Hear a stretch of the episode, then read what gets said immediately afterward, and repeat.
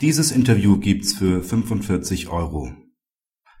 Wollte man dieses Interview ins Englische übersetzen lassen, kostet dies bei der Tolingo GmbH 45 Euro, erklärt ihr geschäftsführender Gesellschafter Hanno von der Decken. Das Unternehmen bietet einen neuen Online-Übersetzungsdienst speziell für juristische Dokumente an. Herr von der Decken, wie viele Übersetzer arbeiten für den neuen Online-Übersetzungsdienst speziell für Juristen? Ja, also momentan ist es so, dass wir international mit ungefähr zweieinhalbtausend Fachübersetzern zusammenarbeiten. Und von diesen zweieinhalbtausend Übersetzern sind im juristischen Fachbereich ungefähr zwei bis dreihundert aktiv. Was für eine juristische Ausbildung haben die Übersetzer?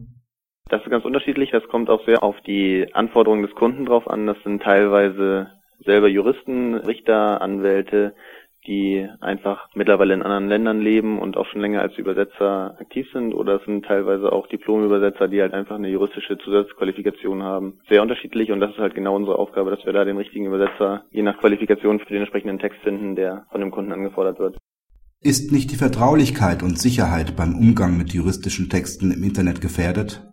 Bei unserer Internetplattform eigentlich nicht, weil wir insbesondere auf die Datensicherheit einen ganz großen Wert legen. Unsere Software ist mit unterschiedlichen Verschlüsselungsalgorithmen ausgestattet und in der Regel ist es so, dass wenn Sie bei uns Ihren Text übersetzen lassen, ist es sogar noch sicherer, als wenn Sie ihn einfach nur per E-Mail an ein anderes Übersetzungsbüro schicken, weil wir die Texte nicht weitersenden müssen zu den Übersetzern oder intern bei uns hin und her schicken, sondern da, wo Sie den Kostenvoranschlag bei uns bestellen und die Übersetzung hinterher auch verbindlich bestellen, Dort wird es direkt in unsere Software eingespeist und verlässt die Software auch nicht so lange, bis Sie Ihre Übersetzung wieder runterladen.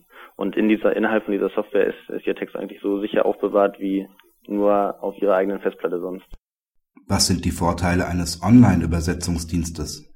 Wir haben natürlich den Vorteil, dass wir viel flexibler sind und viel schneller reagieren können als eine klassische Übersetzungsagentur. Wir haben einen wesentlich größeren Pool an qualifizierten Fachübersetzern. Wir arbeiten nicht mit 30, 40 Übersetzern zusammen, die bei uns direkt im Büro sitzen und auch nur zu Bürozeiten verfügbar sind, sondern wir haben entsprechend einen, einen enorm großen Übersetzerpool rund um die Welt, die auch jederzeit verfügbar sind in sämtlichen Fachgebieten und können so viel schneller auf individuelle Anforderungen vom Kunden eingehen und ähm, haben halt auch eine viel höhere Verfügbarkeit. Also wir können ihnen innerhalb von kürzester Zeit ein Angebot für ihren Text machen und das nicht mit einem Übersetzer, der einigermaßen zu ihrem Text passt, sondern der optimal zu ihrem Text passt.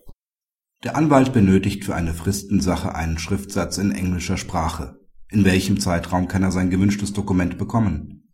Das hängt natürlich in erster Linie ab von dem Umfang des Textes, teilweise natürlich auch in der Komplexität, weil entsprechend komplexe Texte sich auch nicht ganz so einfach und schnell übersetzen lassen wie ein vergleichsweise simpler Text. Überschaubare Texte können allerdings in wenigen Stunden schon bearbeitet werden. Da drin ist die, ist die Übersetzung selber, das komplette Handling und auch eine Korrektur durch einen zweiten Fachübersetzer. Also sagen wir mal, bei DIN A4 Seiten sind auf jeden Fall innerhalb von acht bis zwölf Stunden bei Ihnen wieder zurück.